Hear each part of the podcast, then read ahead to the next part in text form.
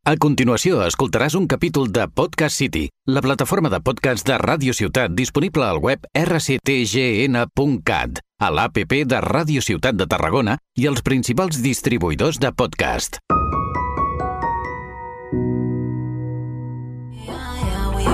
És el moment, però demà de tu s'obliden. Créixer confiant en el demà, però en el demà no hi havia res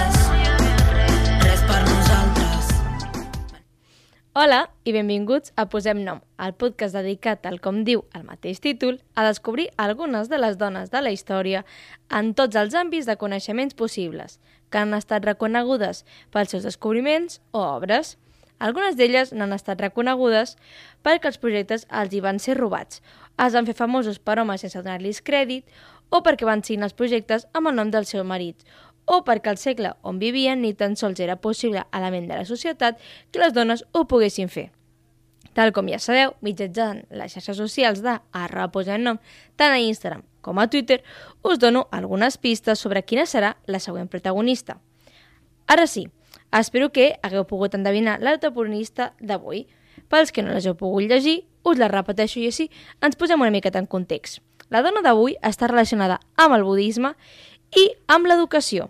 Doncs bé, dit això, us presento a la nostra protagonista d'avui, Machik Labdron.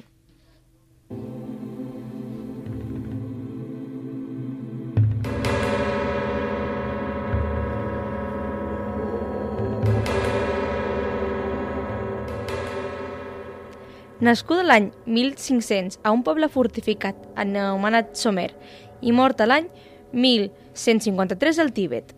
Machik Labdron va ser una monja i mestra budista tibetana practicant de tantra i yoga i és una persona que està considerada popularment com una daikini o deïtat femenina, més concretament una reencarnació de Yeshe Tosiyal, la mare del budisme tibetà. A més a més, va ser la fundadora d'un linyatge de transmissió únic conegut com el Chot de Mahamudra, els ensenyaments dels quals han influït profundament en totes les escoles del budisme tibetà fins al dia d'avui. Diguem que la seva figura està envoltada d'una aura de misticisme i de religiositat, i és que la concepció i naixement van estar acompanyats de profecies, somnis i bons auguris. Segons la tradició, el seu naixement va estar anunciat en un sutra, que és un discurs budista, de, del Buda de Sakyamuni. Segons algunes biografies, Machik va ser la, la seva vida anterior la yogi índia Munlam Drup. Després de la seva aparent mort, el seu cos hauria estat intacte dins d'una cova a Potari, al sud de l'Índia, i a l'esperit d'aquest s'hauria transformat i passat al cos de la mare de Machik, provocant el naixement d'aquesta. Els somnis van continuar per la seva mare fins al naixement d'ella i la seva germana també va tindre somnis profètics. Ara parlem una mica de la seva infància i és que Machik, fomentada per la seva família, va desenvolupar els dons espirituals des de molt petita. Als 3 anys va començar a recitar mantres, als 5 ja sabia llegir i als 8 podia recitar perfectament i ràpidament la perfecció de la saviesa en 1.008 línies, que és un discurs budista que està considerat dels més antics dels grups d'ensenyaments que hi havia en aquella època.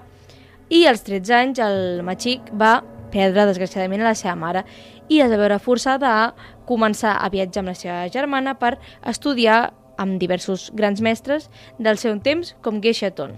Després de 3 anys, el mestre li va suggerir que es traslladés per continuar els seus estudis de budisme a Drapanognechen, un monestir a Doptrang, tot això a la zona del Tíbet amb la seva germana, la qual es va convertir en una monja. Aviat es va fer coneguda pel seu profund coneixement acadèmic budista i les seves grandíssimes habilitats de recitació que van esclipsar a molts dels seus mestres. Machik, després d'aquests estudis, va evitar el matrimoni tradicional tot el que va poder, abandonant casa seva per a poder practicar el budisme com la seva única vocació de vida. Tanta era la seva implicació que va començar a practicar la desafecció als llocs i va començar a viatjar i a viure espontàniament mentre menjava el que trobava, dormia allà on podia i es vestia com una captaire, però tot per acostar-se al màxim possible a Buda. En un dels seus viatges pel Tíbet central va tenir uns somnis profètics, una cosa que és bastant recurrent en la seva figura, i era sobre el seu company de vida, que en un futur seria el seu company de vida, Topavadra, abans que el conegués. I finalment es van conèixer durant unes recitacions i es van convertir en consorts espirituals, sí, un concepte així una mica molt místic, no?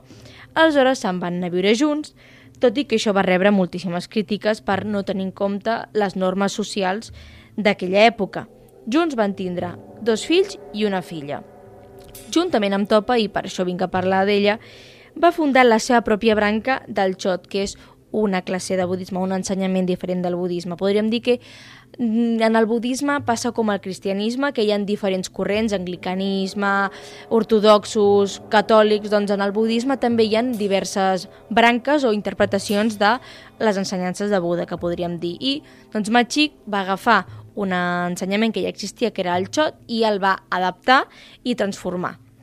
Doncs bé, aquest xot especial que va eh, inventar-se o va fundar Machik consisteix a tallar tota l'afecció de forma corporal. Vol dir que els practicants ofereixen un mandala del seu propi cos en uns rituals, treballa completament per crear seu propi ment i visualitzen doncs, el seu cos com si fos una ofrena i va igual en llocs solitaris, com cementiris i treballen molt en vèncer la por també és per això que el xot s'utilitza sovint per superar una malaltia, per curar-se a si mateix i a les altres persones. I una de les característiques més importants del xot de Machik és el focus que s'hi donaven al que a vegades s'anomenen dimonis o diables, però és una concepció diferent als diables o dimonis que tenim a les cultures actuals. És una concepció d'esperits no, malig no tenen per què ser malignes, però que fan algunes coses malament. No és aquesta concepció tan xunga que tindríem nosaltres, però és una mica de el, persones que te poden provocar obstacles en la teva vida. A partir dels escrits i ensenyaments de Machik, queda clar que aquestes entitats es tracten en les pràctiques del xot i són doncs, formulacions de la ment humana més que éssers realment sobrenaturals, que és el que hem estat comentant. Parlant dels alumnes de Machik, podem dir que procedien del Tíbet i Nepal i que la seva reputació va arribar fins a l'Índia. Però, què passa? Que en aquella època aquesta situació va provocar alguns conflictes, ja que en aquell moment la concepció era que els únics ensenyaments budistes que podien fer-se i que fossin autèntics eren els que provenien de l'Índia, fent que Machik doncs, fos considerada una heretge. Tal era la importància d'aquesta situació que van enviar des de l'Índia uns mestres per avaluar els ensenyaments de Machik i comprovar que fossin realment verídics. Mentre ensenyava i debatia amb els que la qüestionaven, les seves paraules es van traduir al tibetà indi i nepalès. Per comprovar la naturalesa d'aquestes informacions, es va enviar fins i tot una delegació al sud de l'Índia per trobar doncs, aquell cos que se suposava que s'havia reencarnat Machik de eh, Molamdrum. Aquestes prediccions i aquest aquest cos es va trobar, això és el que es diu, no crec que al cap de 45 anys puguis trobar un cos, però bueno, si ells diuen que sí, jo m'ho crec. I gràcies a això, doncs, eh, es va demostrar la validesa de la seva condició de mestre i sostenidora del seu llinatge del xot.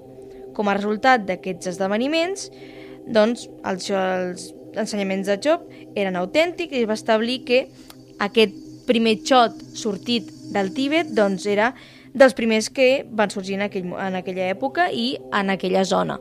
Per tant, ja se podia parlar de budisme o corrents budistes no només a l'Índia, sinó també al Tibet. A partir de llavors, doncs, aquesta pràctica ja se va poder estendre fins a la Índia de forma consolidada i autentificada per les persones. Machik, ja resumint, va morir amb 99 anys, però, segons ella, va aconseguir un estat de no retorn i que en lloc de reencarnar-se, que és una cosa que passa molt, que emanaria. Aquest concepte de l'emanació és que en vez de reencarnar-se en diverses vides fins a fer el cicle infinit i arribar a el que podríem dir que és el cel budista, sinó que la seva pròpia persona anirà sortint o sigui, no reencarnar-se, que és anar vivint vida, sinó que anirà apareixent. És com tornar a viure. És un concepte diferent, però a la vegada també una mica estrany des del meu punt de vista, això ja és opinió personal.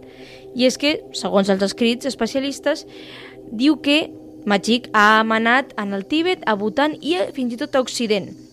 Els noms que ha adoptat serien Jomo Menmo, Choki Dorje, etc. I per últim, i el més important, i per al qual parlem de que també ha manat a Occident, és Lama Tsulima Lione, que és un professor americà budista nascut al 1947. Vull dir, tinguem en compte això, Machik en teoria va néixer al 1055 i aquest professor és nascut a l'any 47 mmm, del segle passat. Vull dir, no estem parlant de tonteries, no? En resum, Kemachik va ser una mestra budista més important de la història tibetana, permetent l'educació d'aquests ensenyaments que fins al foment havien estat reservats només a les persones que procedien de l'Índia. Per avui tanquem el capítol i procedim a donar algunes pistes de la protagonista del pròxim programa. La dona està relacionada amb la medicina i l'escriptura.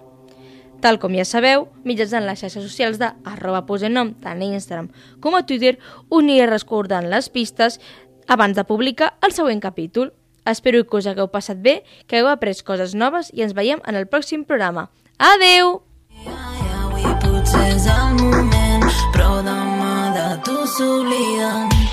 Vam créixer confiant en el demà,